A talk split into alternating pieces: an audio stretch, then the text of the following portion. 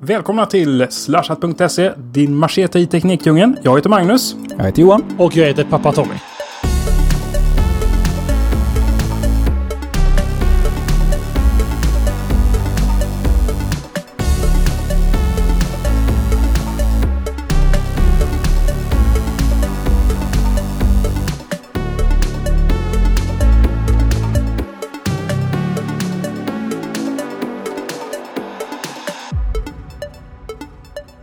Välkomna tillbaks till ännu en vecka av slashat.se, din machete i Teknikdjungeln.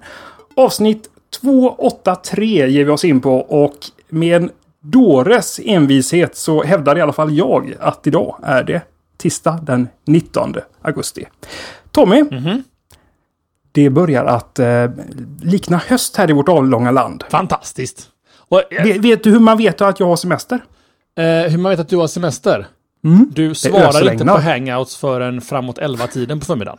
Något åt det hållet. Och så ösregnar det. Framför allt. Du har verkligen prickat helt fel vecka för detta med semester.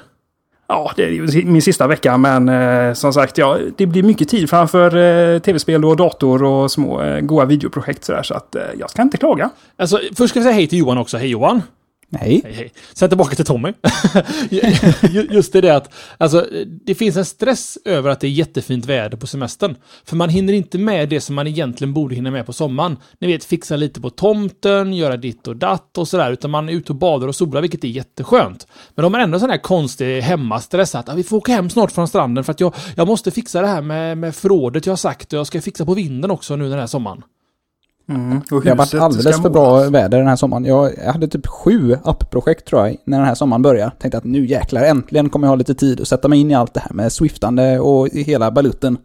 Det fanns inte en tillstymmelse till chans att jag skulle sitta inne när det är 30-35 grader varmt och sol. Det är ju så. Det är ju så. Och sen Det är också, det också svalaste stället att sitta på annars. i vatten också rätt skönt.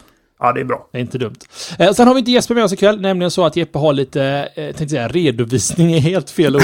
Han har renovering på hemmafronten. Renovering, ja. Ja, men, så jag har faktiskt gett Jesper ledigt för första gången i slashat-historien. Sakta kryper jag ikapp honom där med eh, flest avsnitt. Ja, vi har väl en bit kvar där, men eh, vi hoppas att han, är, att han får renoverat och målat och att de här goda gaserna har liksom lagt sig till nästa vecka så att vi har honom tillbaka i sin lilla studio där han kan sända ordentligt. Det- För showens skull kanske man ska eh, hoppas på att gaserna inte riktigt har lagt sig, utan att det blir lite roligt ändå. han, Han är brukar, bättre gasad Jesper. han brukar göra sig rolig med alkohol annars Jesper, så att jag tror han löser det på egen hand. Vår Helt kära vän. Och han kan inte riktigt försvara sig här heller. Vad skönt detta var. Ja, ni hör ju. Jonasson sköter detta när farbror. Jesper är på, på äventyr. Eller ja, han är inte tillgänglig i sitt hem. I alla fall, tillbaka till show. Vi ska prata lite om eh, förra veckans poll, tänkte jag. Hur skulle du föredra att konsumera spel? Och det här är lite du Johan, tänker jag, för du var lite chockad över resultatet. Ja, eh, jag tycker att det här är ett jättespännande resultat, för jag förväntade mig inte det. Eh, Och då hade vi alternativen eh, köpa spel styckvis eller prenumeration. Det är egentligen eh, antingen eh, My Way or The Tommy Way. Mm, just det. Eh, Och den som vann med ganska överlägset seger var att köpa spel styckvis. 80% versus 20% då i prenumeration. Och det blir jag lite chockad över. Är, är inte du lite chockad över det Tommy?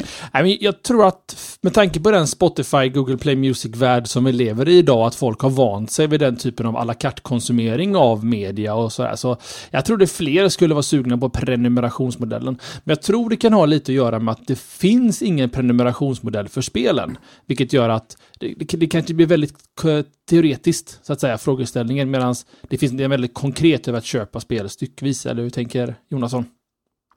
Mm, när jag såg eh, pollen första gången så, så, så läste jag den som så här. Hur föredrar du att konsumera spel? Och då blev frågeställningen väldigt, väldigt enkel. Ehm, men som sagt, du är inne på det och det finns ju egentligen eh, från och med, eller ja, fram tills förra veckan egentligen inget bra sätt att, att prenumerera på spel eh, fram till EA Access kom.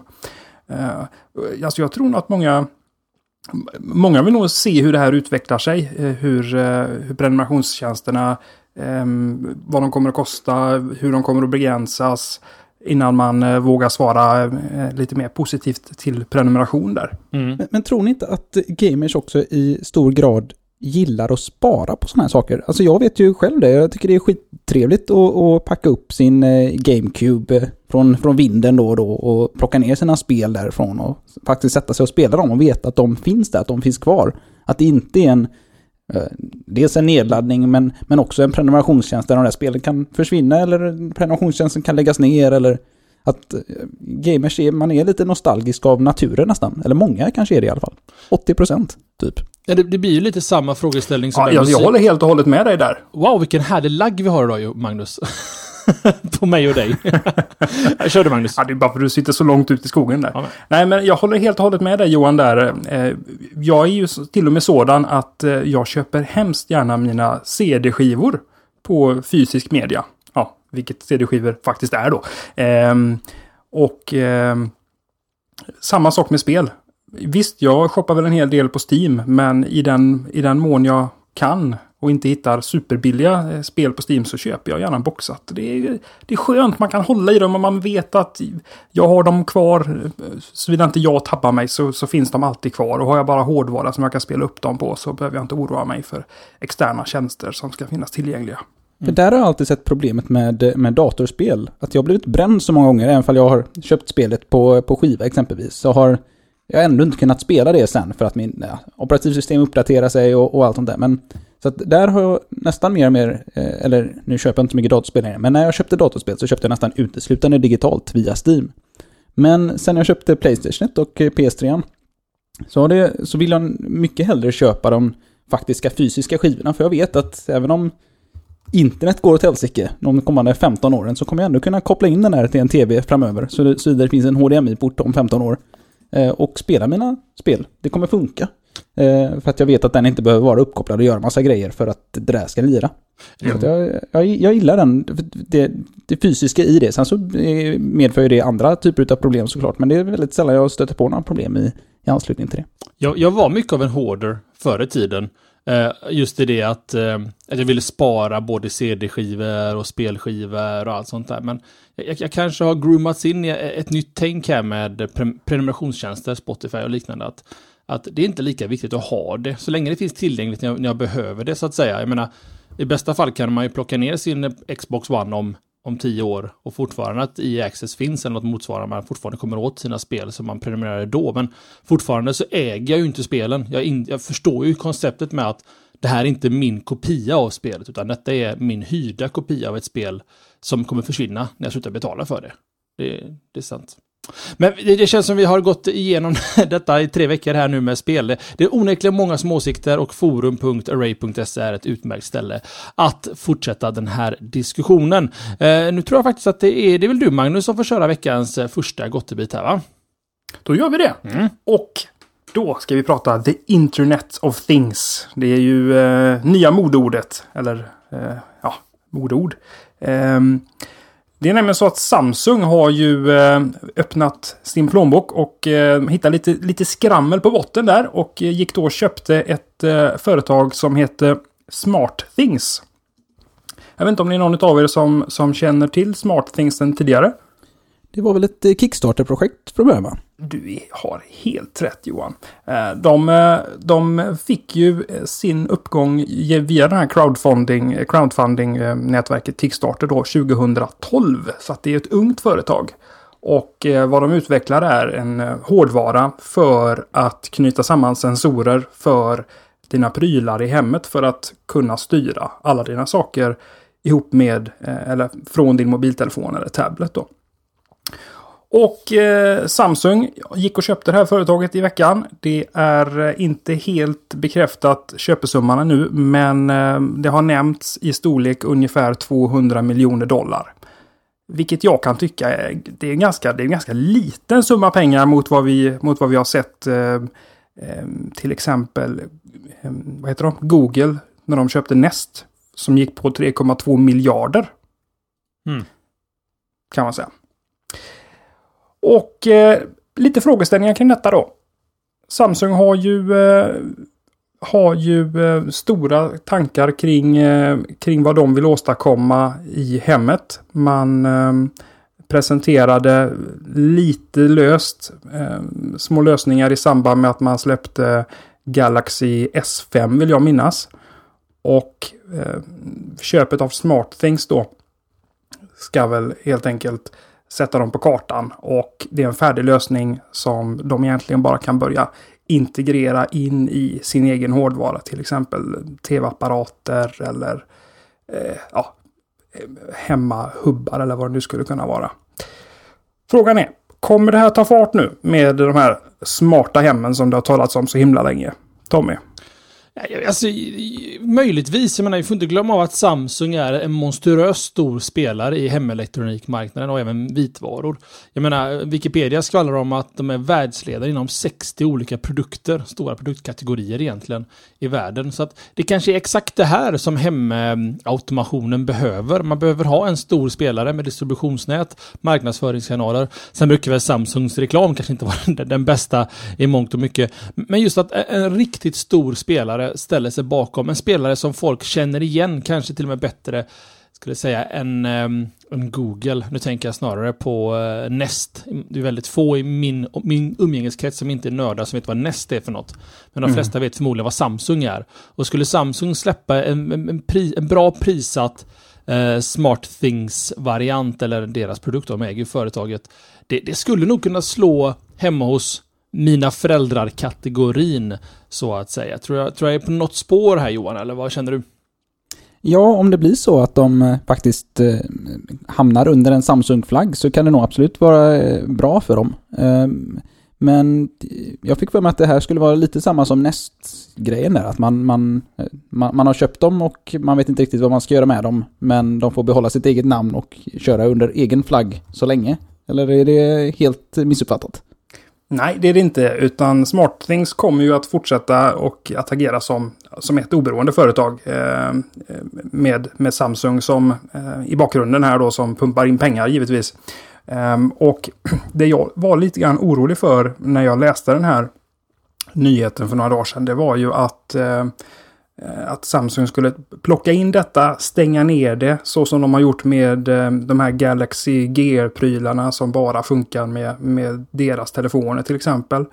Men eh, eh SmartThings eh, grundare, han hette förresten Alex Hawkinson, han har sagt det att det här ska drivas vidare oberoende, det ska vara ett, ett företag vars plattform ska vara en öppen plattform och att man gärna ser att, att man knyter till sig många utvecklare. Eh, de har redan 5000 utvecklare som har tagit del av deras eh, developer kit för både hård och mjukvara då. Som vill, eh, som vill fortsätta att utveckla mot den här plattformen. Och mm. det tyckte jag var lite, det kändes ju bra mycket bättre än, än det Samsung jag känner sedan tidigare. Ja, det är betryggande också det. Man, man ser att vi går ofta mot en värld där det är Android Wear snarare än Google Wear på deras mm. klockinitiativ. iPhonen kommer nog aldrig vara kompatibel med Android Wear. För då hade förmodligen Google döpt produkten till Google Wear snarare än Android Wear. Eh, och det, det, det, blir mer och mer silos. Så jag gillar hela idén då från eh, Hågensson och SmartThings. Det ska vara en plattform som alla kan hoppa in på och koppla in sig på. Eh, och i bästa fall så kommer inte Samsung riva upp det där. Och du sa, du sa det säkert, men det är värt att understryka att det är fortfarande källor som hävdar att SmartThings ska fortsätta agera som ett eget företag. Det, det, det är inte ja. så att det står officiellt någonstans att Samsung säger det. Och det nej, men, nej, men SmartThings säger det själva. De, de gör och, alltså det? Eh, jajamän, jajamän ja, det gör de. Bra, vad bra, bra. Så det, det är eh, bekräftade källor. Frågan är om man ska vänta på att Samsung faktiskt säger det också, för nu är de eh, pappa och mamma. Mm. Mm. Ja, men det där, det kan jag tänka mig att det, det sticker man inte ut hakan och säga om man inte har eh, pappa och mamma Samsungs Eh, bekräftelse på det. Har Samsung någon historik till sådana här uppköp? De, annars när de ger sig in på nya marknader så är det oftast eh, kopieringståget som de hoppar på. Eh, kopierar den som är bäst lämpad för tillfället, gör det billigare för, på grund av att de har en stor produktionsapparat och sen prånglar ut apparater till halva priset. Men har de köpt, uppköpt, eller köpt upp eh, företag tidigare och integrerat dem i, i företaget på ett vettigt sätt? Det vågar jag faktiskt inte svara på om de har köpt någonting i den här kategorin. Ehm, jag kan inte minna mig någonting på rak arm. Eh, Tommy, kan du, känner du att du Har någon koll på det eller? Nej, jag, jag googlar så fingrarna glöder här. Frenetiskt. Ja, jag gjorde det. Så spontant så hittade jag ingenting faktiskt som eh, Samsung har köpt upp i liknande kategorier egentligen. Eh, vilket är ganska intressant. Men, men alltså, det, det finns ju... Man har ju där acquire. Alltså, man, man köper ett företag för att anställa kompetensen egentligen. Och att det här SmartThings killarna och tjejerna eller gänget ska vara med att kanske starta ett internt initiativ inom Samsung för att skapa också en produktkategori av hemelektronik. Eller inte förlåt mig, utan hemautomation. För att vi går väl lite åt den världen, Magnus? Va? Ja, eh, men som sagt, nu pratar vi ett, ett, det är ett litet företag. Det är två år gammalt. De har 55 anställda. Eh, visst, de kommer att flytta alla de här 55 anställda från där de sitter idag till, till Samsungs eh, Open Innovation Center i, i Palo Alto. Men som sagt, eh, de kommer ju fortsätta att jobba som ett eget företag och inte bli något, inget team i Samsung som det ser ut nu i alla fall då. Men det är intressant att konkurrensen mellan Samsung och Google, som också är kompanjoner i Mm. en av de största eh, delarna av eh, Samsungs eh, hela affär, är ju ändå Android. Och det är intressant att den konkurrensen nu intensifieras, inte bara från mobiltelefoner och klockor som de har två olika tankar om hur det ska hanteras, men även nu då i hemautomatation som ändå är en, också en begynnande marknad får man väl säga, även om det har börjat ta lite fart nu det senaste året. Så är det ju. Och eh, som sagt, eh, det är ju inga andra än vi konsumenter som är vinnare på detta. Alltså Samsung har ju varit väldigt kreativa med uppköp. De har till exempel köpt eh, Fokker, som är en tysk eh, flygplanstillverkare. De har Mm. köpt eh, Grandis Inc. som är eh, utvecklare med minnen, ramminnen alltså.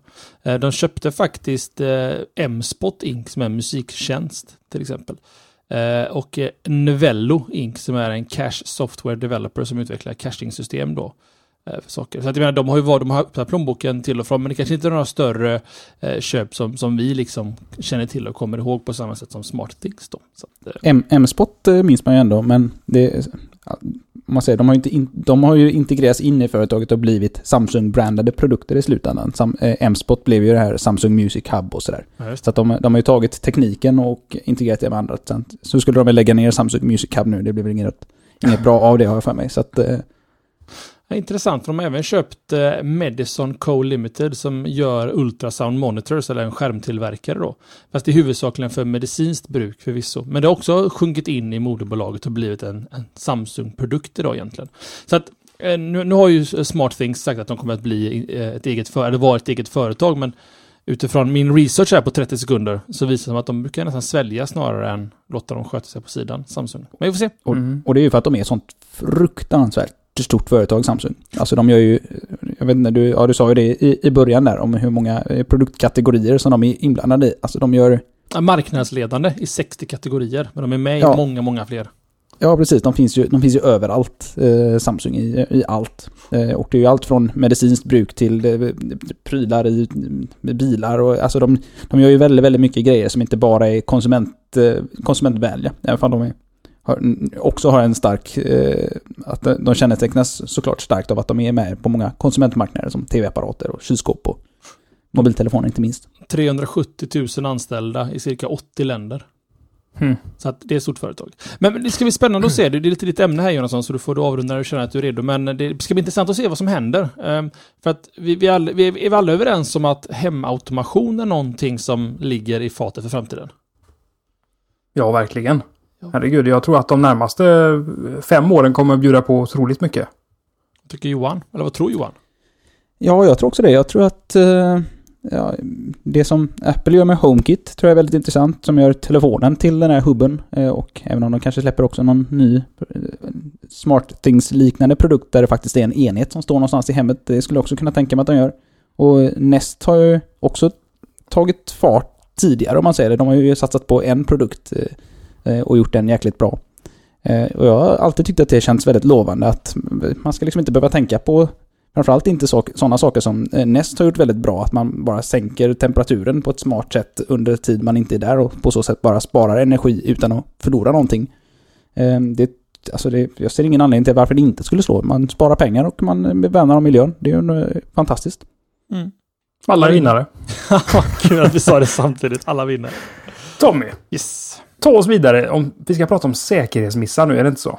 Jo, men visst är det så. Det, det är ju som så här då att eh, eh är det Dev, Defcon har varit eh, gått av stoppen här nu i eh, förra veckan eller veckan innan dess. Eh, och Defcon är ju egentligen, eh, ska man säga att det är det största hackersammankomsten per år. Och då pratar vi om killar och tjejer med extremt hög teknisk kompetens inom eller datateknik och oftast nätverk och sånt där.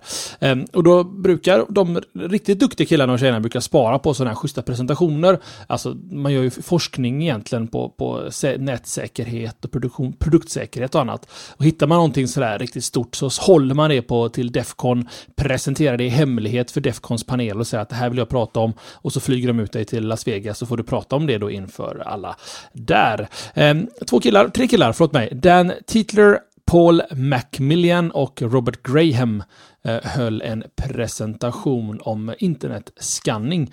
Eh, och då menar jag inte att man ska scanna med internet, utan man skannar internet. Och vad de har gjort det, och detta är ju alltså, snubblande enkelt egentligen vad de har gjort. Eh, de har byggt ett system som skannar hela internet, Eh, eller alla publika IP-adresser ska vi säga, efter öppna portar på port 5900. Ni som arbetar lite med eh, serveradministration och annat inser direkt att det där är den så kallade VNC-porten. Eh, Virtual Network någonting, någonting. Ska vi se. Jonasson, kan du det i huvudet? Virtual Private Net Nej, vänta nu. Nej, det är inte det. Det var det, det, var det jag tänkte säga. Uh, virtual Network Computing.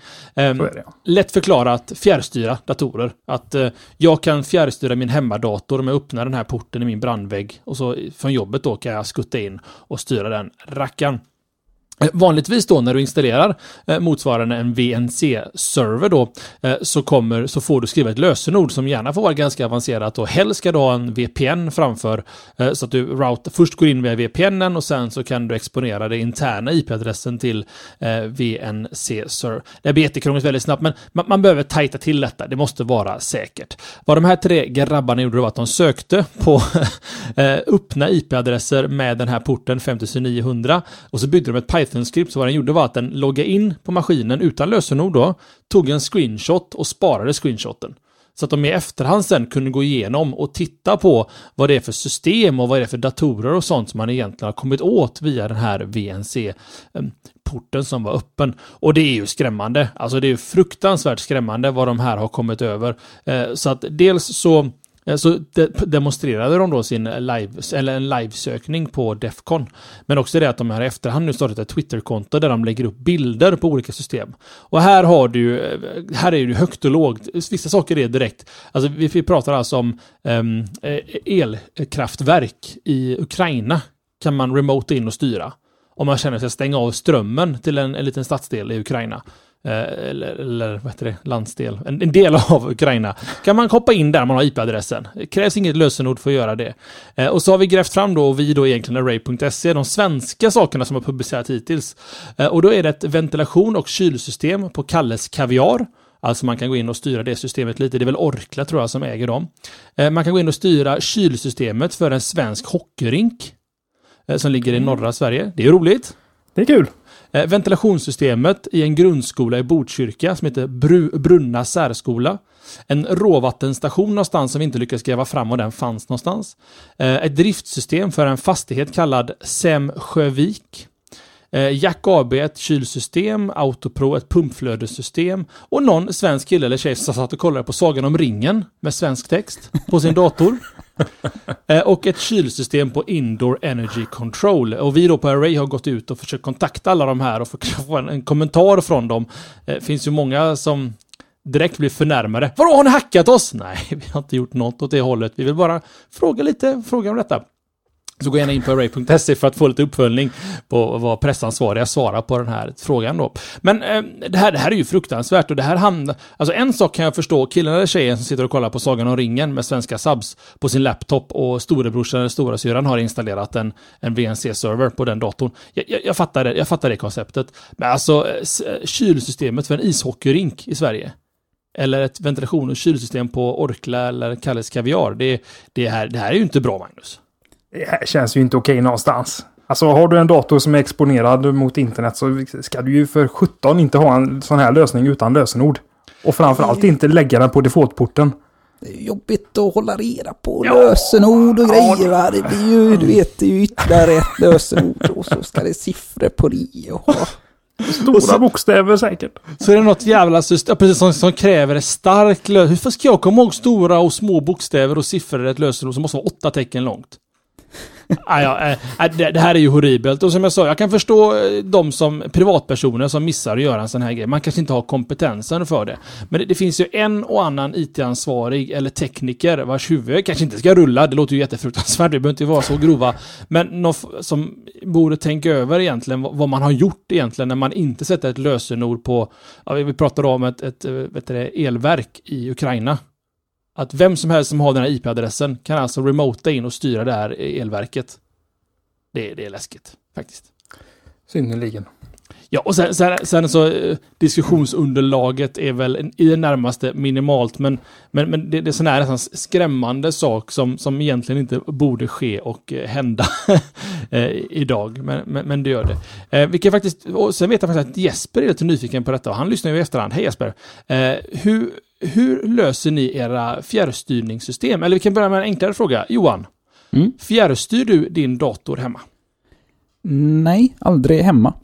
Alltså jag menar alltså fjärrstyr du din hemmadator från en annan ställe, så att säga? Nej, aldrig. Ja, eller jag har ingen riktig hemmadator nu för det. Eller om man inte räknar laptop som en hemmadator då, men den har ju... Det är oftast den jag skulle fjärrstyra ifrån. Och då har jag ju den framför mig. Eh, när jag är någonstans. Så att, eh, den, jag har med mig min fjärrstyrda dator kan man säga. Skitlåg latency också. En enkel, enkel lösning på ett problem. Jajamän, det är ja. så jag jobbar. eh, ibland så eh, remotar man väl in på, eh, på jobbet genom att koppla upp sig med VPN-uppkoppling först mot jobbet och sen mm. interna IP-adresser. För det var så du förordade att man skulle göra? Ja, utan tvekan. Alltså mm. en, säker VPN och sen utifrån det då eh, komma in på den lokala IP-adressen. Vi pratar alltså 127.0.0, nej det kan inte vara, utan 10.0.0.10 eller 192.168.0.10 till exempel äntligen gjorde jag något rätt.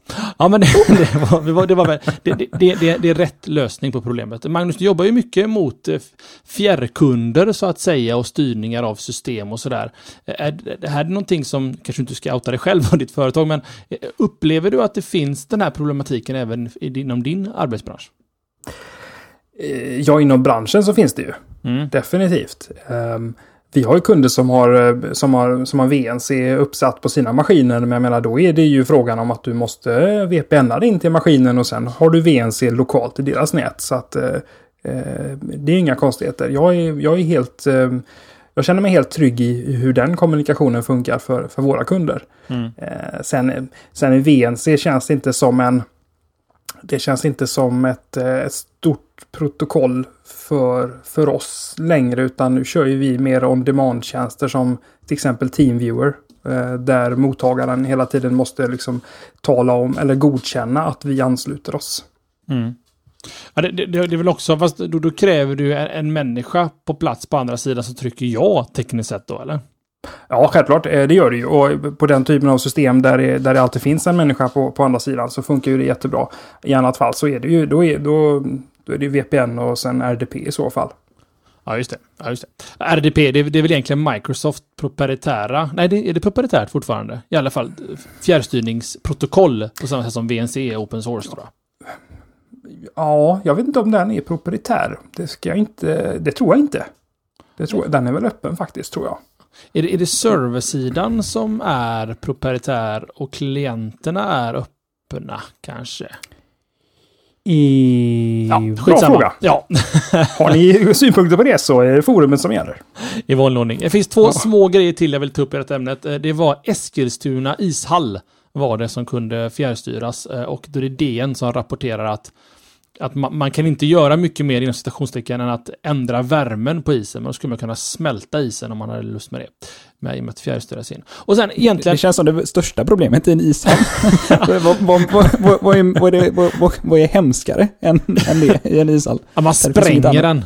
Tänker jag. Ja, jo det, det är sant. Det, det är, sällan i och för sig, man, det är väl å andra sidan ganska sällan som is, just ishockeyrinkar har en sån här self-destruct button i, som man kommer åt via VNC ifall man vill smidigt kunna gå in och Till skillnad från många andra system tänker du ja. Ja, men precis. Det, är, ju- det har, jag, har man ju i lägenheten såklart. Liksom, ifall det skulle, vill, du inte låta någon, vill du inte låta någon info här komma i orätta händer va? Det, Viktigt. Eh, Och andra frågan var egentligen inte så mycket filosofisk, men eh, om man, om jag frågar dig point, point blank här Johan. Har de här killarna hackat sig in i system? alltså det får man väl ändå säga. Vi pratade om det på Ray nämligen, så jag är nyfiken på lite hur, hur du ser på det. Hur, eh, fortsätt gärna utlägga det. Ja, men jag tycker det... Alltså man utnyttjar... Det, det är en godartad hackning. Och, men man utnyttjar ändå svagheter i ett system, även om det inte finns några... Att de inte aktivt har satt upp någon säkerhet betyder inte att man har... Eh, att man, har, att, man har, att man får gå in och titta på den. Bara för att du har en öppen dörr hemma så behöver inte jag, har inte jag rätt att gå in och titta och ta lite foton i din lägenhet. Eller i ditt hus. Men, men låt mig då, för att vara djävulens advokat, men jag, då får jag stå utanför din öppna dörr och ha ett, en tele, telekamera och ta in ett kort in i din, genom din dörr. För det är ju, Nej, det det, det får du inte heller rent Nej. lagligt. Det får du inte heller rent lagligt. Men du får ju ta foto in i någons eh, hus genom fönstret. Nej. Nej. Jo, det är inte så. Nej, det får man väl inte Johan? inte. Nej, det tror jag inte. Det, då gör du väl våld på din... eh, det- Du har väl någon, det är väl någon sån här sanktitetsgrej att man får vara hemma i fred. Så får du väl inte ta kort hur som helst in i folks eh, hus och lägenheter. Men fan, det, det kanske var så, för att det var väl någon, någon tjomme som sprang runt naken i sitt hus, i sin, sin lägenhet. Och så tog någon bild på det och la upp någonstans. Kom bara inte ihåg ifall det var för eller emot. Det här är ju utmärkt att bara hö- höra av sig till oss. Ja, men jag, alltså, jag tycker nog ändå det här är ju ändå att de har gått in och tagit... Jag, jag skulle vilja likna den här vid att de inte har stått utanför och tagit bilder, utan de har gått in och tagit bilder. För att jag, jag tänker... Annars hade de bara... Annars, att, ta- en- att gå och ta utanför är ju bara att visa vilken IP-adress, eller att man kan komma åt den här. Det är ju en sak. Men att visa en skärmdump från det, då har man ju ändå, Då har du ändå gått tagit in. sig ja. in i systemet. Mm. Ja, jag håller med dig helt där Johan. Och jag var lite djävulens advokat där. Jag, jag, är, jag, är, jag är på samma spår egentligen. Ehm, för att min liknelse var att du faktiskt, som du sa Johan, du går in i, i, det, i, det upp, i den öppna dörren. Och det ska du inte göra. Det är någon annans hem egentligen. Eh, sen ska jag också se till att läsa lite lagtext här som jag alltid gillar att göra i Slashat. Det hade varit grymt om vi haft dramatic reading med lite musik bakom, men nu är inte Jeppe här. Men det fixar han. den som... Okej, Jesper är redo nu? Lägg på musik. Den som olovligen med tekniska hjälpmedel i hemlighet tar upp bild av någon som befinner sig inomhus i en bostad eller på en toalett, i ett omklädningsrum eller ett annat liknande utrymme döms för kränkande fotografering till böter eller fängelse i högst två år. Solklart! Ja. Don't. Så Fast vi svårare. var ju å andra sidan på en person. Nej! Ja, så läste du det. Ja, men om, tar en bild av någon man fick, som befinner Ja, det är jävla sant där Jonasson. Man tar bild Mm. på någon som befinner sig inomhus. Så om jag, om jag Men- tar ett foto men det- in i ett tomt hus, är det mindre brottsligt då? Det kallas bara rekognosering. Just det. I väntan på... Ja, Ja, just. ni hör ju. Ja, det är lite, lite, vi är lite oklara här och vi svajar lite grann på manschetten. Men eh, smiska upp oss och sträcka upp oss rejält i forumet bara om, ni, om det, vi är helt fel ute. Och apropå forum Jonasson. Oj du, den överlämningen gillar jag. Jag trodde du skulle ta den själv där. Du trodde det ja? Ja, jag tänkte nu kommer han. Nu har han lärt sig tänkte jag. Lyssna, Nej. lyssna på detta tänkte jag säga men nästa Du gång. bara satte dig tillbaka och njöt. Ja, ja. Veckans forumtråd hörni. Den ska vi prata om. Det är eh, vår kära användare Kronvall som eh, har lagt upp följande forumtråd. Privat miljö på USB-sticka. Och eh, vad Kronvall behöver då så vill han ha med sig en, en USB-sticka med ett, eh, ja, med ett egentligen ett komplett system där han vill kunna, eh, som jag förstår det, eh, trycka in den här i en antingen en befintlig Windows-maskin eller att den som kör botar Windows direkt på stickan. Han vill kunna köra LastPass, han vill kunna köra Evernote och gärna ha alltihop krypterat och det ska inte finnas några spår kvar när han, han drar ut stickan och eh, lämnar den dator han är på. Eh, lite intressant och vi har ju pratat, eh, vi har ju pratat säkerhet och kryptering till leder de här senaste veckorna nu. Um, så har ni några tips till eh, Kronvall på hur man kommer vidare om ni har, har löst det här tidigare? Till exempel med portabla miljöer som man använder i, i, i ja, hos kunder eller i virtuella maskiner eller vad det nu skulle kunna vara så är eh, forumet i kategorin mjukvara spel eh, det stället man vill hänga på. Privat miljö på USB-sticka. Tommy, har du någonting att säga om det här? Alltså det här var lite av den våta drömmen när man var tonåring och i skolan drog runt där och det hade varit fantastiskt att kunna ha sitt eget operativsystem med sig. Eh, detta var ju anno 90-tal. Då, då fanns ju knappt USB-stickor. Det, det fanns inte USB-stickor, skulle jag vilja säga. Eh, eh, så det var ju svårt kanske att jag hade den drömmen. Men, men drömmen var i alla fall att få med sig sina filer och allting på ett enkelt sätt i datorn du kom vid. Eh, och det, det, finns säkerligen många sådana här, alltså det, spontant så känner jag bara en Ubuntu-distro egentligen. Sådana som är byggda för att eh, köras på USB-stickor. Eh, så får du upp hela konkaballongen. Nu har jag läst den här topicen och han, han, det var en han va? Det var, ja, just det. Eh, det var någonting med att han ville köra några Windows-appar eller något liknande. Det var, det, det var något specifikt han hade som önskemål. Han ville köra LastPass, Evernote med flera. Ja, just det. Men det var, var inte Windows ett krav, har jag för mig, eller? Han vill köra det i Windows. Just Men det. sen kan man ju, där kan man ju också ställa sig frågan, ska man kanske ha en lösning där man kör hela Windows på en sticka? Eller det ska köras i Windows och du ska inte ha några spår. Att du kör allting som portable apps bara i en befintlig Windows-installation. För att alltså, hur, hur, hur gärna man än vill tro att saker och ting inte sparas så kan man fortfarande ha keyloggers på själva host-datorn som du kör apparna i. Jag skulle snarare säga att vill du vara säker Eh, så ska du bota upp eh, ett system från stickan. Ett eh, Linux-baserat system. Jag tror inte Windows spelar sådär jättebra ihop med USB-sticka. Att, att bota ifrån den. Men Linux-distros funkar ju garanterat med det. Ubuntu är ett bra exempel på det. Ehm, så, så det, det, är ett tips. Men det finns säkert lite unika krav som den här killen har. Och då önskar vi att ni, våra önskade, önskade och älskade eh, lyssnare, faktiskt kommer med lite knep, Magnus. Va? Mm, det gör vi. Och bara ett, ett litet sista tillägg där. Jag fick en liten idé kände jag när du nämnde Linux-distros på USB-sticka. Mm. Det finns ju den här utmärkta programvaran som heter VirtualBox som går att köra på Linux. Jajamän. Då skulle man ju faktiskt därigenom kunna köra en, en virtuell Windows-maskin i så fall. Bara om man behöver komma runt just det problemet. Jag tänkte på det, finns det inte så här självexekverande eh, virtuella maskiner? Att man bara kan, eh, det blir liksom en virtuell maskin i en EXE-format som man st stoppar på USB-stickan. Så trycker du in den och så dubbelklickar du på den och så får du upp din, hela din Windows-miljö för att du redan har förberett en eh, liten VirtualBox med en Windows-installation.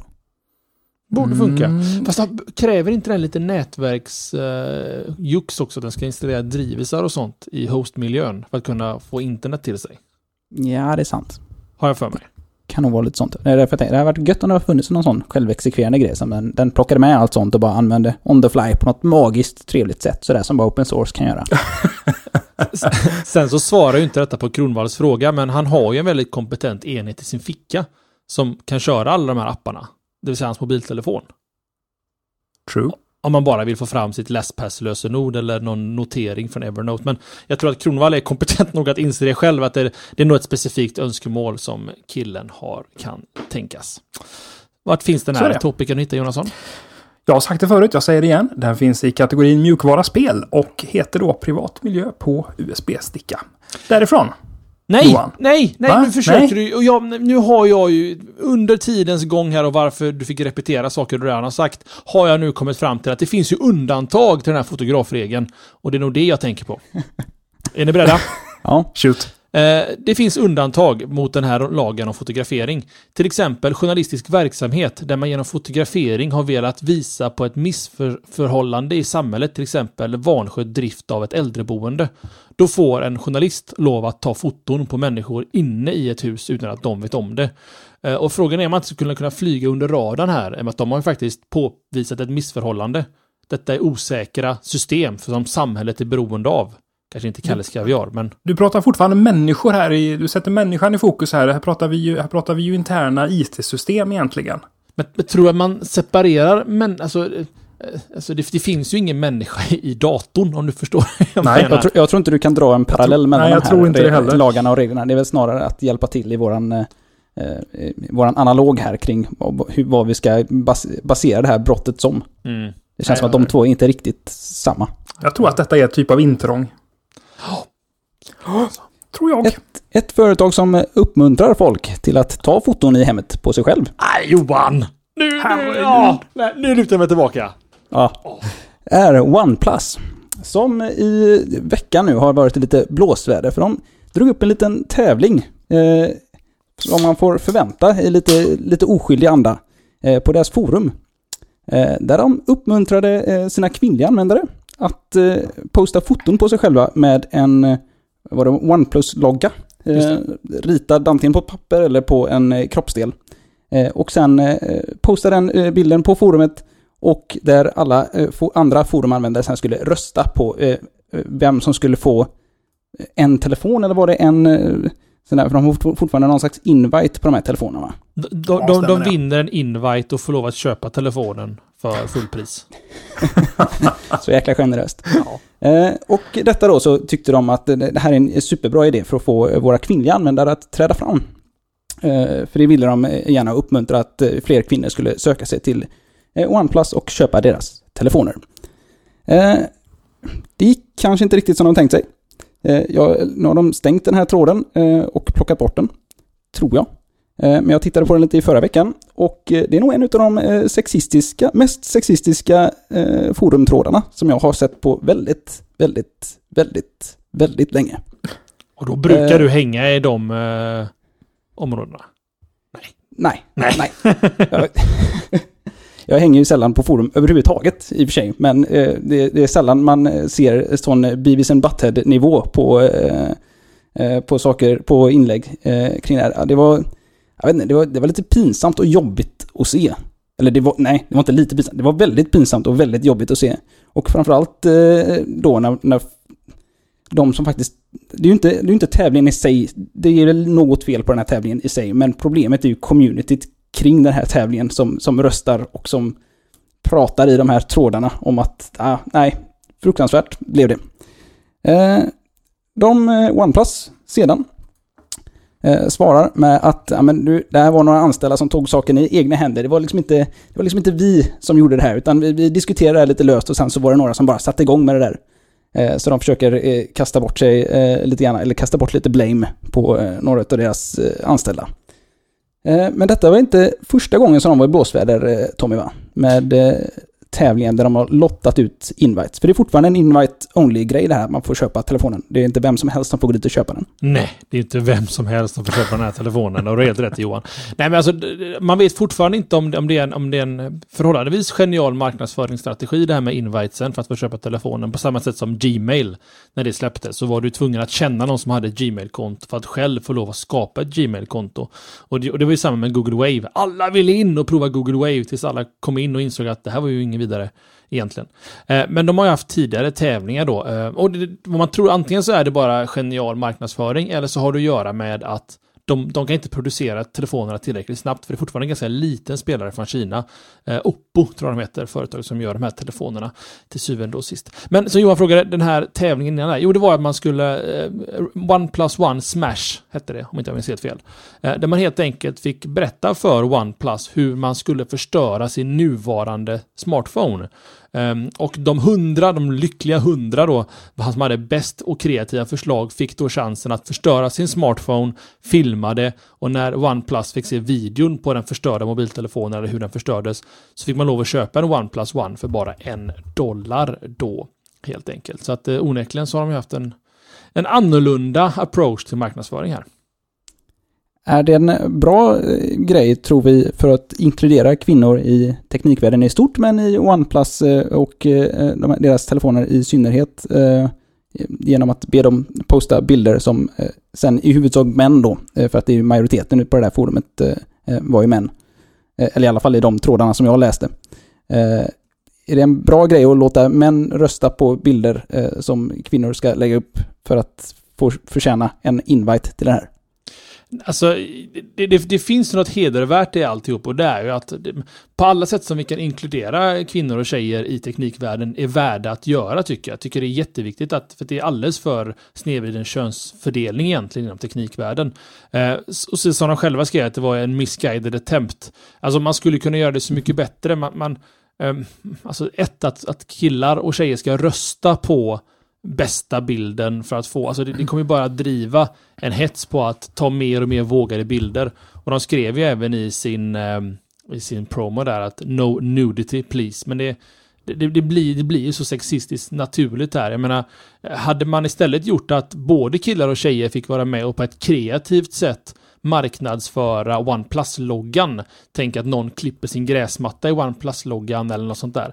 Det här tyckte jag var ett jättekul initiativ. Men just det här Ladies first, sexismen, No nudity please. Nej, jag vet inte. Vad säger du Magnus? Nivån här, eh, man ser, de, de första, några av de första inläggen i den här tråden var ju photoshoppade bilder på eh, väldigt lättklädda damer. Mm. Där den här loggan var satt på mer eller mindre eh, opassande ställen. Mm.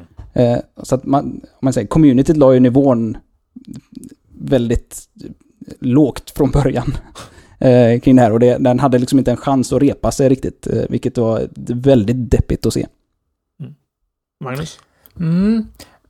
Alltså, jag opponerar mig lite grann mot, mot det du sa där Tommy, med eh, att det var, ett, att det var, ett hed, att det var hedervärt. Eh, jag tycker inte att det var det. Eh, visst, de har, de har backat och sagt att det här var ett riktigt, riktigt misguided attempt, att det var ett, ett försök som gick otroligt galet. Men Visst, det är väl det är jättekul att få in fler kvinnor och tjejer i, i, i teknik, men man ska inte göra skillnad på folk. Tycker inte jag. Utan eh, alla, alla är sig själv. Och jag vet inte om jag förstod dig rätt där Tommy. Eller om du... Eller om du... du missar nog några ord i min mening där. Jag sa att det är hedervärdigt alla initiativ att ta bort den könsfördelning som vi har inom teknikvärlden. Alla ah. försöker hedervärda att göra en bra grej, men OnePlus-metoden är helt fel. det var det jag sa. Bra, då, ja, då, då drar jag tillbaka min opponering mot dig i alla fall. Vad skönt. ja, då behöver vi behöver inte lägga oss uh, och sura på varandra ikväll, du och jag Tommy. Ja, oh, okej, okay, nu blir jag lite besviken faktiskt på ett sätt också. eh, ska, får jag låna, hijacka lite ämne lite här Johan och prata lite om OnePlus-enheten som sådan? Ja, men gör det. Nu när vi har pratat om, eh, om eh, det här andra tråkiga som de gör, så kan du prata om det som är roligt. Ja, och, och, det är ju själva enheten som sådan. Jag, lyckade, jag tog en väldigt sexuellt utmanande bild på mig själv och en loggan och fick en invite till slut då. Eh, mest för att de bad mig sluta skicka bilder på mig själv. Eh, positioner. Och eh, då, då fick jag köpa en telefon och det var faktiskt någon på kod A Nej, det var nog forumet tror jag. Forum.ray.se. Som, där finns det en topic där om man är sugen. Där det delas ut eh, invites till vänster och höger. Så betalade 3000 kronor och efter cirka två veckor så landade det en enhet från DHL i min eh, brevlåda här. Eh, och enheten som sådan, alltså att, att, här, att den här enheten kostar 3000 spänn, ink, moms och 64 gigs utrymme är ju helt fantastiskt. Ehm, det, det, är en superkompetent telefon. Den har, jag, jag kom, jag kom ju lite från M8 också, så att M8 känns bättre i handen. Den, den, har ett bättre hantverk om man säger så. M8 andas kvalitet, men den andas inte 2 500 kronor mer i kvalitet. Inte för fem öre, utan, utan jag är väldigt imponerad över OnePlusen och vad man kan göra för så pass lite pengar. Sen så har den ju Cyanogen Mod förinstallerat i sig. Eh, en, en eh, vad ska man kalla det för? Alltså det, det, det, det är väl en, en entusiastversion av Android som har växt och blivit väldigt stor eh, och någonting då som Oppo, eller det företaget som gör OnePlusen, tog tillvara på och sa att ska inte vi lägga in Cyanogen Mod som våran huvudsakliga eh, eller er huvudsakliga operativsystem. För att, alltså, det, det, jag tror inte du... Eller hur är det Magnus? Får du lov att lägga in Googles native Android som de kör på Nexus-serien på en telefon? Eh, det vet jag däremot inte om du får göra hur som helst. Men jag måste, eh, jag måste återigen då Oppo-nera mig. Jag tror mm. nämligen inte att det var Oppo som gjorde OnePlus, utan OnePlus är ju en egen liten startup. Oppo gjorde ju den här rackarns eh, N... Eh, vad heter den? Heter den N1 eller någonting va? Nej, uh, Oppo mm. Find 7 är så den som är rebrandad till OnePlus. Är det så? Ja, men jag är förhållandevis säker på det här faktumet. Företaget mm. verkar heta OnePlus och Precis. telefonen heter OnePlus One. Jag tror inte de här har med varandra att göra överhuvudtaget. För, för jag tänker den här klassiska att alla Nexus-enheter heter ju någonting annat på de som tillverkar ens egna språk. Om ni förstår vad jag menar. Alltså, alltså ja. eh, Nexus eh, S hette ju HTC One. Uh, och så HTC One som grundplattform. Uh, Samsung Galaxy någonting blev den som blev Samsung eller Nexus, uh, vad det heter det? Galaxy, Galaxy Nexus. Nexus. Alltså det, det, finns ju en hårdvaruplattform som de har byggt ifrån. Jag var nästan säker på att det var en Oppo-enhet som, som var grundbulten till OnePlus One. Eller? Ja, du opponerade starkt. Jag får lita på ditt... Eh, Du har haft fel en gång den här veckan. Jag tror att du, du har inte fel två gånger, det vet jag. Nej, inte på rad. Nej, nej, Inte det bra. låter helt osannolikt. Eh, och sen då, som jag ville komma till med Cyanogen Mod, så utvecklas det av entusiaster, eh, vilket har blivit ett företag idag, men eh, det, det är lite wonky mjukvara i den. Det, det ska jag ärligt säga. Jag upplever att, att eh, touchpanelen inte är lika skarp som min M8. Sen ska det ju nämnas eh, klart och tydligt där att eh, att eh, den, är, den är bra. Alltså den, den, det är ju inget fel på den. Men den, ja, men om man säger så här, om man, man, får vad man betalar för för 3000 och i detta fallet så får du någonting väldigt, väldigt bra. Jag skulle vilja säga som så här att skulle OnePlusen släppas tillgängligt för alla att köpa så skulle jag nog eller jag skulle rekommendera den här över Nexus 5 idag faktiskt som eh, instegsmodell för Android. Det är utan tvekan. Det, det, det är en kompetent mobil. Men har, har, inte, har, har inte den dragits med otroligt mycket mjukvaruproblem? Jo. Jag tycker att jag har läst på forum, till och med Array har, har en egen forumtråd eh, där folk eh, postar eh, buggar kring eh, Cyanogen, hur det funkar på den här OnePlus One-telefonen. Är är det ingenting du upplevt alls Tommy, eller? Att det strular mycket i mjukvaran? Uh, nej, förutom det där lilla touchproblemet som jag har bråkat lite med så alltså, jag har ju hört skräckhistorier från forumet och det är ju att folk inte har kunnat få igång wifi, inga sådana grejer utan hela vägen funkat utan problem. Alltså uh, det, det, det, några små nicks and nax. Jag har haft att den har startat om sig själv en gång. Uh, har hänt. Eh, och en gång har jag fått fryst skärm också. Att, att den stannar helt och hållet så får man hålla in i knapparna så startar den om. Men jag menar det har jag ju fått på många tidigare Android-enheter också. Även i Nexus-serien ibland.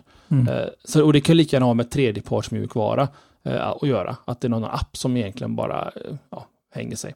Så att nej, jag upplever inte alls de problemen som jag, som jag har läst om i forumet. Och jag, jag skulle inte vara speciellt orolig om jag köper en sån här idag eh, över att man kommer ha massa mjukvaruproblem. Det, det, tror att det, det, jag kanske upptäcker det för att jag har en, eh, en, en ganska investerad syn i det. Jag, jag, jag vet ska kolla efter, men jag utvecklar ändå mjukvara själv om man säger så.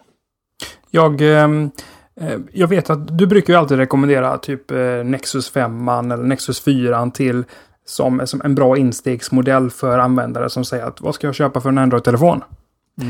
Eh, och eh, är, är, OnePlus One en, en så pass bra telefon så att man skulle kunna rekommendera den? Jag, så jag upplever att Cyanogen-modden till exempel är eh, alltså onödigt avancerad för den, för den vanliga användaren.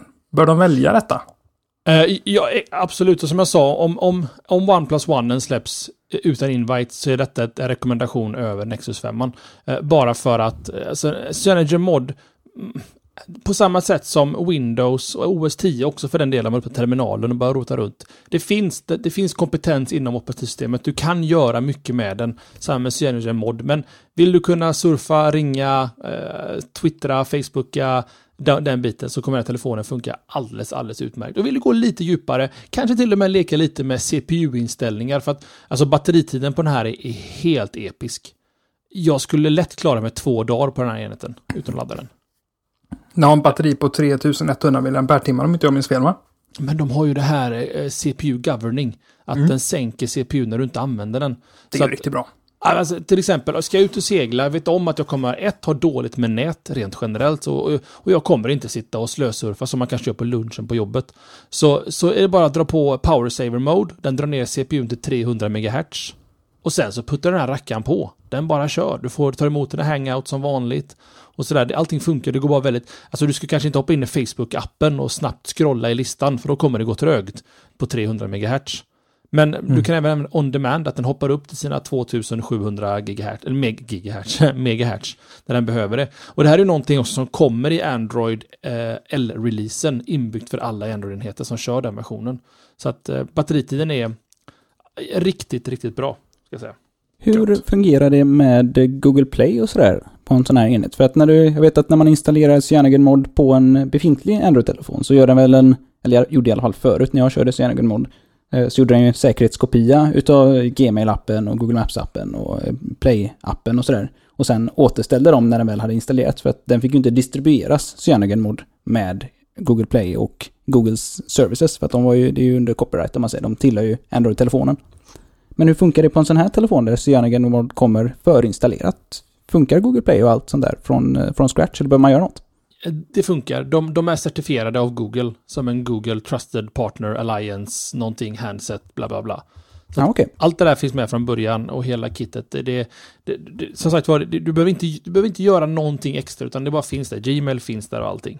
Och sen, och sen bara snabbt för att beröra batteritiden, ursäkta mig. Nu, nu har jag haft den i jobbet och då innefattar att jag lyssnar på podcast, jag har även kartappen och allting och jag har 53% kvar efter 12 timmar och 26 26 minuter. På enheten. Det är bra. Och då, och då har den fått åka med idag. Alltså jag, skärmen är typ 23% och samtalen är ju 20%. Så jag menar, jag har gjort mycket med enheten idag. Mm. Så det, det är utan problem 24 timmar med användning, alltså inte konstant användning med aktivt användande av enheten. Men då har du den inte underklockad eller något sånt där, utan då kör du som standardutförande. Balanced kör jag. Så att eh, det, det, det är on-demand-modet, att den försöker ta ner sig själv så gott det kan när jag inte använder den och så startar den upp processorerna igen. Eller processor, processorerna är ju fyra, det är kods. Jag menar, och, skärmen, jag har använt skärmen nästan två och en halv timme. Skärmen har varit tänd i två och en halv timme idag. Det är, en, enheten. är det en full HD-skärm på den? Uh, nu ställer du sådana frågor som jag får reda på om jag googlar, tänker jag. Ja, uh, jag tänker men... att uh, om, den ligger på samma, om den ligger på samma som eh, HTC One M8. För den har du väl en 1920x1080 om inte jag minns fel. Eller om den drar iväg ännu högre, precis som LG G3 gör. Den är 1080p med 400 ppi. Jag ser inte spontant här några, några, några pix. Men om den är 1080 ja, då har du ju det där, 1920 x 1080. Ja, just det. Det måste den vara. Ja. Eh, det, det, det enda jag ska säga är att den här enheten är alltså större än M8. Alltså fysiskt större. Det här är en stadig pryl att ha i jeansfickan, kan jag säga också. Kan du jämföra den? Du har ju känt på eh, LG G3. Kan du jämföra dem? Jag skulle säga att den är motsvarande G3. För Mm. G3 var väl lite, lite större än eh, min M8, va? Eh, ja.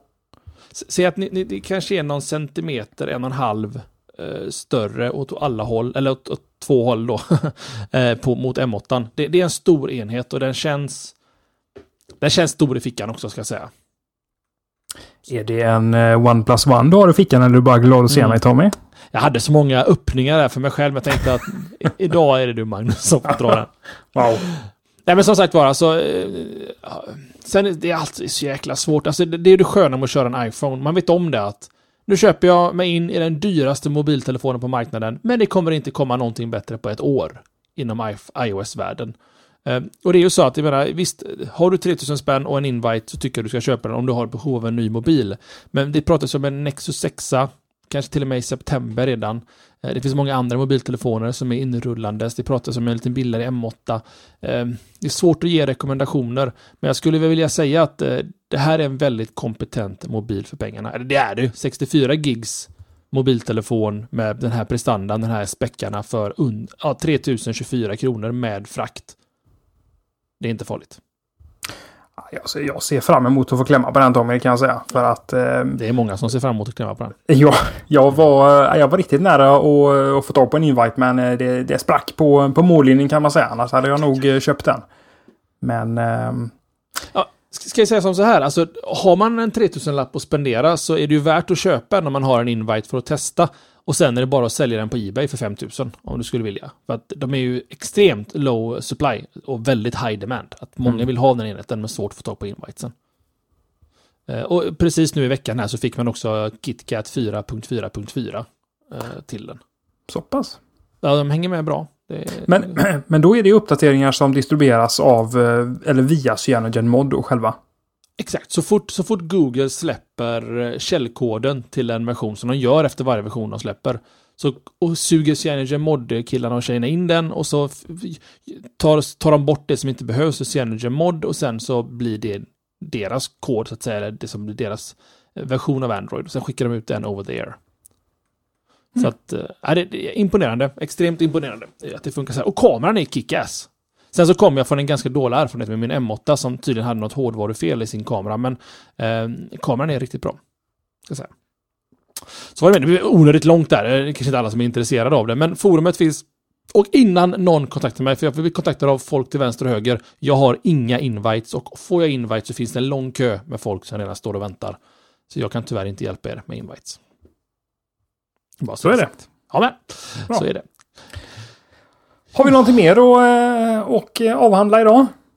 Nej, ja det har vi väl. Vi borde ha faktiskt veckans poll. Jag tycker Johan, du var inte så aktiv här under Android-ämnet. Vad känner du om eh, veckans poll? Du, jag känner mycket kring veckans. Eh, för att det är någonting som har hållit mig lite kärt, i alla fall sedan jag fick eh, 5S.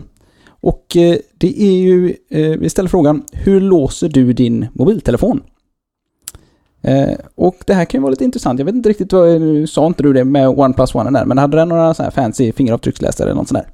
Den, den har knackkod och alla de här standard Android-varianterna. Så, så knackkod är rätt skön faktiskt. För då eh, ska, eh, ska vi se.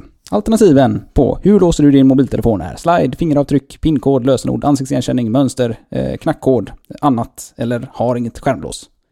Eh, så att, eh, och kommer vi på något mer där så kanske vi fyller på något. Det känns som att det borde finnas någonting mer men jag kan liksom inte riktigt för mitt liv komma på vad det skulle kunna vara. Vi trycker in det under annat. Mm. Ja, det, det får det väl nästan göra. Pollen är ju redan live på, eh, på slashad.se och det är 15 röster redan. Så att det här blir spännande. Herregud, gud vad spännande. Eh, så att eh, in och, in och rösta på det. Eh, så eh, får vi väl avhandla det. Eh, Det är så jobbigt där med att få diskutera det här. Det- Man får, man får hålla sig till nästa vecka. Men det, det ger hela tiden ett incitament till att komma tillbaka å andra sidan. Det är skönt. Det Självklart. gillar vi här på slashat.se. Eh, och sen så kan vi också nämna det att vi har gått över till HTTPS på vårt älskade forum på forum.array.se. Eh, lite säkrare för alla inblandade i familjen. Det uppskattas från alla håll och kanter. Sen så var det, alltså det var väl lite osäkert där med Tappertalk. Kör du Tappertalk så måste du eventuellt ta bort Tappertalk, alltså sla, eh, Array-forumet och sen lägga till det igen. För vissa har det funkat transparent bara att köra och för några har fått göra den lilla abrovinchen då. Det, det får ni, det har ni alltså det har varit ute nästan en vecka snart, så att ni har förmodligen löst det redan om det skulle vara så. I vanlig ordning upptäcker ni några fel har några problem så är det bara att höra av er till oss via Twitter, Facebook eller Google Plus eller forumet eller någonting. Jag, menar, jag tänker att kommer man inte in på forumet kan det vara svårt att skriva en topic om att man har problem att komma in, tänker jag.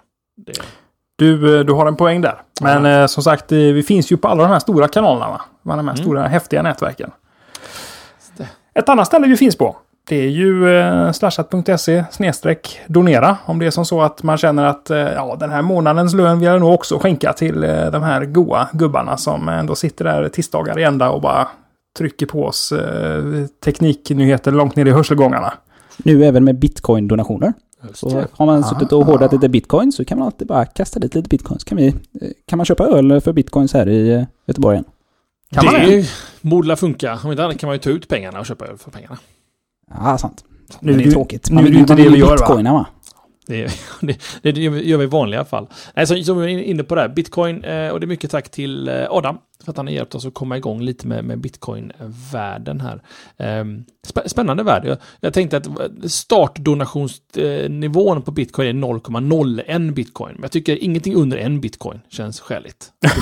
Ja, jag, håller, jag håller helt och hållet med. Alltså. Jag håller på, jag håller på att samla till min första 0,0 0,01 tror jag. Ja, man får prata om hur många decimaler man går upp så att säga. Man är uppe på två decimaler i bitcoin. Och Då är jag, man- tycker, jag tycker man lätt kan ta och donera lite så här nördiga siffror. så här 3,14 Ja. eller 42. 1337 bitcoin. 66, 1337 vet jag, men 666 kanske. Eller, ja ni, ni hör ju, vi har många bra uppslag.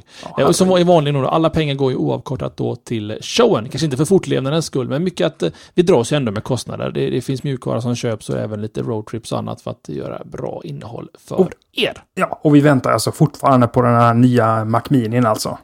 Så ni inte tror att de där, eh, de där donationerna har bara gått i glömska utan eh, så fort Apple är, bara vill ge oss någonting så slänger vi pengar på dem. I vanlig ordning. Eh, och sen också som vi nämnde det att det var ju inget live den här veckan. Det är ju för att Jeppe renoverar hemma. Så är det ibland. Magnus, du öppnade, vilket Jag ger öppnar. dig den stora äran. Då så. Då tycker jag att vi stänger butiken för avsnitt 283 av slashat.se. Din machete i Teknikdjungeln. Ha det nu så gott. Tjena!